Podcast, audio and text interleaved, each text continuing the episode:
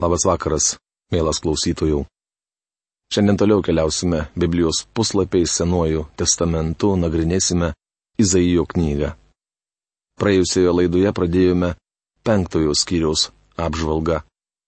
Skyriaus tema - giesmė apie vynuogyną, tai išnagrinėta mūsų dalis, ir vargas neteisiesiems. Šiandien iki galo skyriaus apžvelgsime šešias nuodėmes. Prieš pradėdami apžvalgą paveskime savo širdis viešpačiui. Dangaus Dieve, mes dėkojame tau už tavo sūnų Jėzų, esantį aukštybės dešinėje. Dėkojame, kad pažįstame jį kaip permaldavimą už mūsų nuodėmes. Dėkojame, kad jame tu išlaisvinai mus iš nuodėmės vergystės, kiekvieną, kuris patikėjo tavimi. Dėkojame tau šį vakarą ir už galimybę išgirsti tave prabylantį šventojo rašto puslapiais. Padėk mums, dangaus Dieve, išgirsti tave. Jėzaus Kristaus vardu. Amen. Dievas dar sėki išsako savo kaltinimus. Vardydamas skirtingas nuodėmes, už kurias teis Izraelį, jis šešis kartus sako vargas. Jei norite, šią pastraipą galite pritaikyti savo ar savo tautai, tačiau jos aiškinimas sėtinas su Izraeliu. Jam ši pranašystė jau išsipildė. Ir vis dėlto tai, kas čia rašoma, mes galime pritaikyti ir savo. Vargas jums, kurie statote namus prie namų, kurie jungiate lauką su lauku, kol jums vieniems te lieka vietos gyventi žemėje. Izaijo knygos penktos kiriaus aštunta eilutė. Šioje eilutėje paminėta pirmoji Izraelio nuodėmė - tai akių geismas, o tiksliau godumas. Laiško kolosiečiams trečios kiriaus penktoje eilutėje apaštalas Paulius rašo - Numarinkite, kas jūsų nariuose žemiška - ištvirkavimą, netyrumą, aistringumą, piktą pageidimą, taip pat godumą, kuris yra stabmeldystė. Taigi godumas yra stabmeldystė. Tai didelis verslas, plėtojamas mažų žmogelių sąskaita. Tas pats vyko Izraelyje. Turtuoliai engė vargšus, kad dar labiau praturtėtų. Tai galima paaiškinti tik nepasotinamų geismų, turėti kuo daugiau nuosavybės ir turtų. Už tai Dievas baus savo tautą. Čia prašyta liūdna situacija. Kalbama, jog laukai būdavo sujungiami. Izaijo laikai žmonės vertėsi žemės ūkiu. Siekdami pralopti jie statė didelės įmonės. Tai nebuvo naudinga smulkiems ūkininkams. Tai, kam visiškai atsiduodate, tampa jūsų religija. Šiandien daugelis žmonių atnašauja aukas ant godulystės aukuro. Godumas - rustus dievas, jo atvaizdas puošia monetas ir banknotus. Dievas baudė Izraelį už godumą. Užuot vykdę Dievo nurodymus, izraelitai įniko semti iš žemės turtus. Darydami tą patį mes, baigiame išeikvoti šio pasaulio energiją. Kodėl be paliovos ieškome naftos ar bet kokios kitos energijos, kurią galėtume panaudoti savo reikmėms? Todėl, kad esame besočiai. Mes baigiame išeikvoti žemės turtus. Tai užtraukia Dievo bausmę. Galybių viešpats man girdint prisiekė.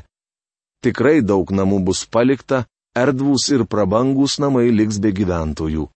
Dešimt jungų vynogino duos tik vieną batą, o Homeras sėklus tik vieną efą derliaus.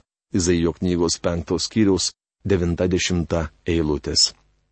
Dievas sako, kad ir kiek žemės turėtumėte, didelio derliaus nesulauksite, nes ištiksiu kraštą badu žemės ištekliai baigėsi, naftos atsargos senka.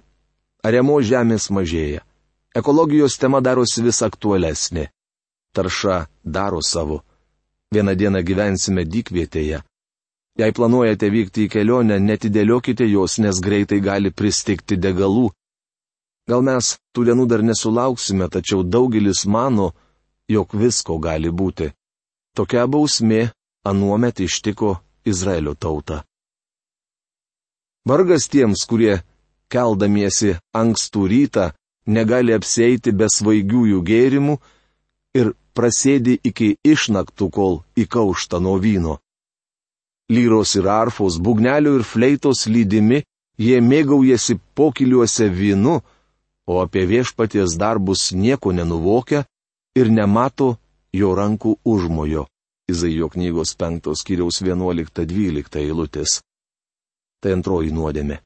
Čia paminėtas tautos įsitraukimas į girtuoklystę ir kūniškus malonumus. Šios nuodėmės slopina dvasinę įžvalgą.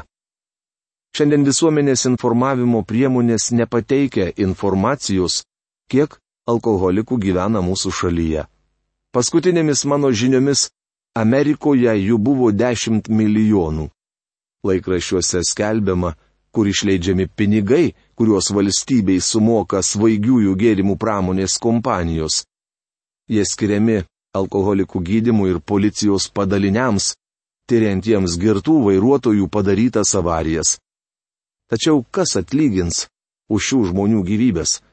Niekas nežino, kiek reikšmingų sprendimų valdžios vyrai priima po išgertuvių vakarėlių. Visą tai smugdo tautos moralę tai yra ėda ją iš vidaus kaip vėžys. Tokia tauta yra lengvas grobis priešui.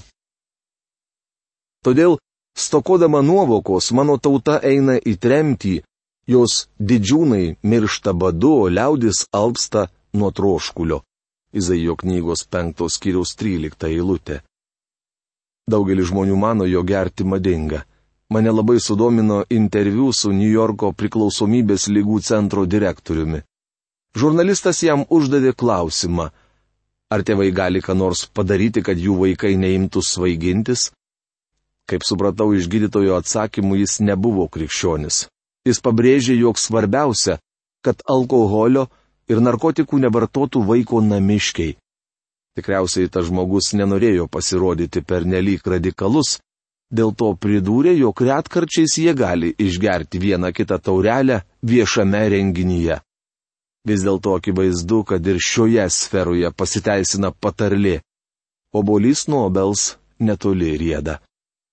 Priklausomybės lygų specialistas teigia, jog paaugliai, matantys besisvaiginančius tėvus, susidūrę su rimtesnėmis problemomis, patys griebėsi marihuanos ar tablečių. Tėvai ir motinos, jei jūs toliau kilnosite taurelės, nenustepkite, kad svaigintis pradės ir jūsų atžalos. Jie paseks jūsų pėdomis, nes kodėl jums galima svaigintis, o jiems ne. Daugelis jaunuolių tampa narkomanais, nes mato, kaip jų tėvai skandina gyvenimo rūpeščius taurelėje. Tai smugdo šeimą ir tautą. Girtoklystė buvo viena iš Izraelio nuosmukio priežasčių. Ši problema kelia rimtą grėsmę visoms tautoms. Todėl šiolas plačiai atvers savo ryklę, pražios savo bedugnę burną ir prasmeks joje tautos didžiūnai ir liaudis, jų užavimas ir puotavimas. Izaijo knygos 5 skyriaus 14 eilutė.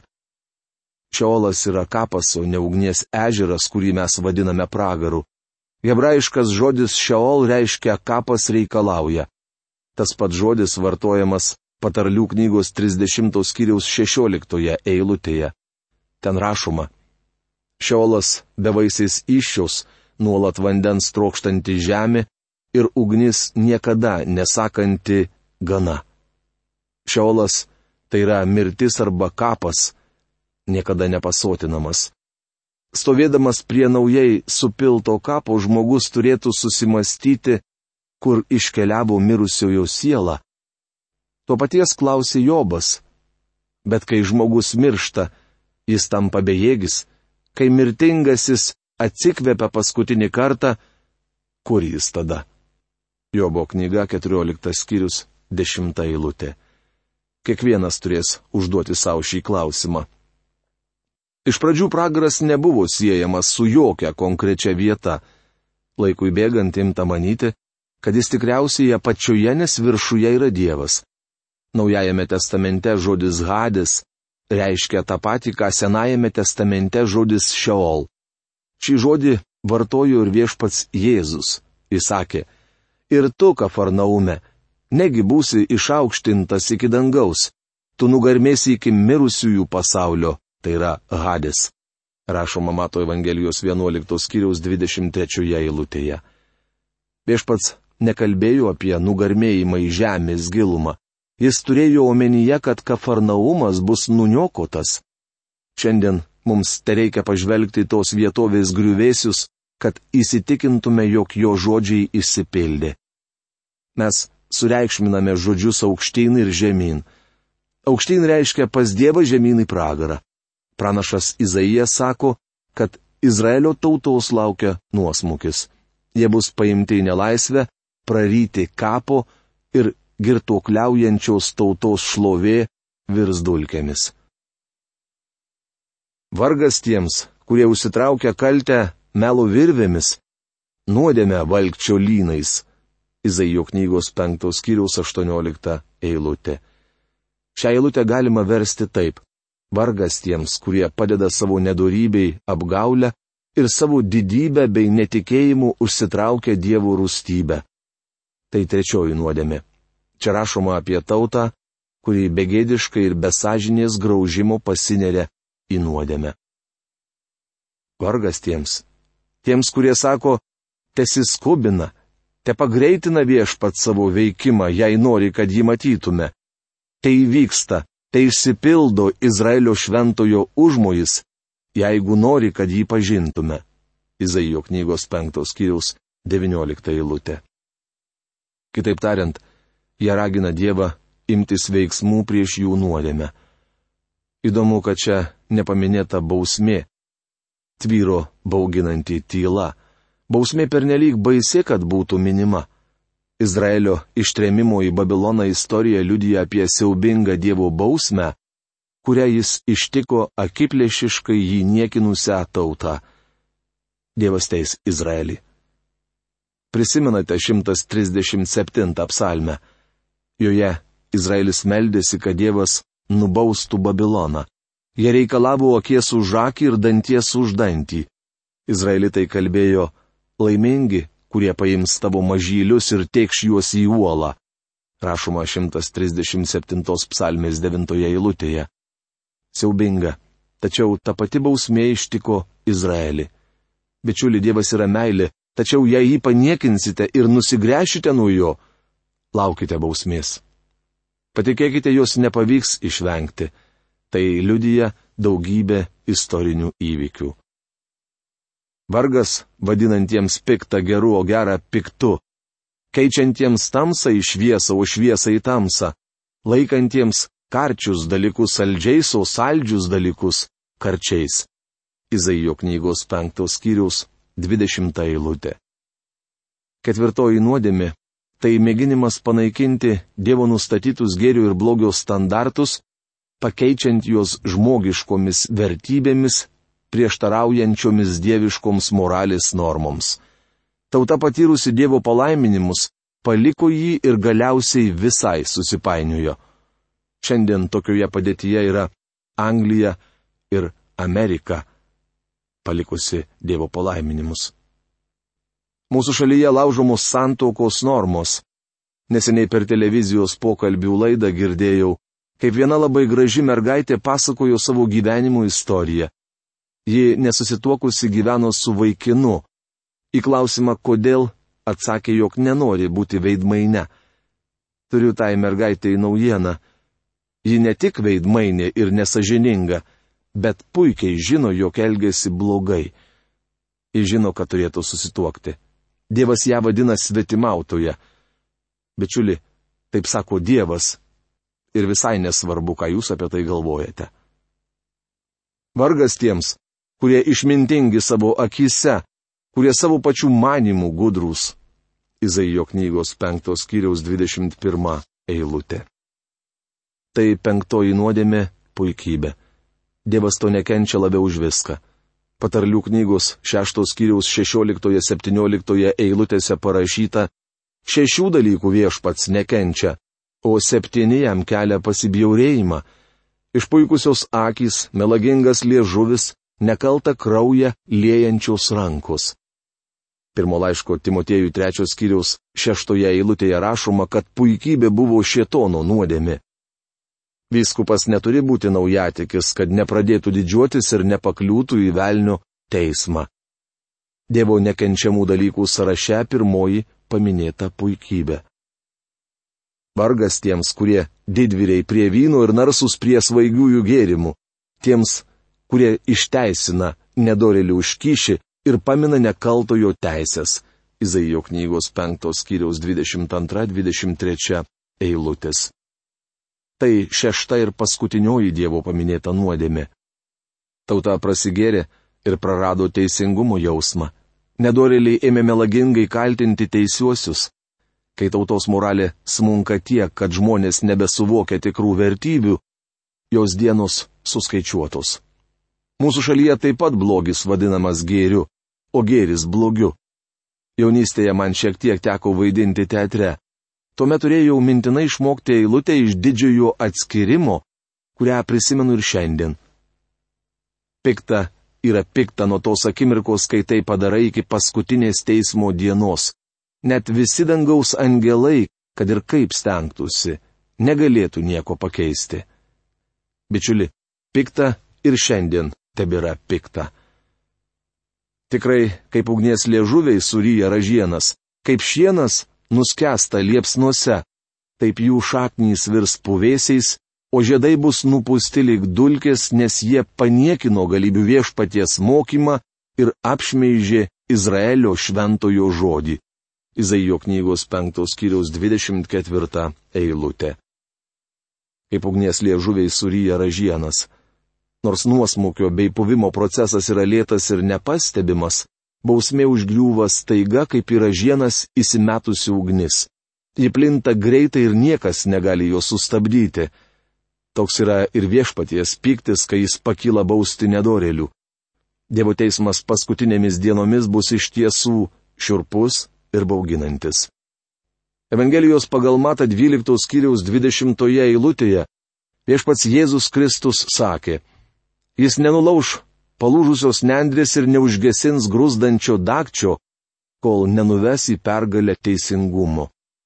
Mūsų viešpats citavo Izaijo knygos 42 skyriaus 3 eilutę. Kai kurios nuodėmės, pavyzdžiui, girtuoklystė ar narkomanija, pačios užtraukia žmogų į bausmę. Galėčiau paminėti daug atvejų, kai šios nuodėmės jaugų jas dariusių žmonių gyvenimą ir galiausiai juos visiškai sunaikino.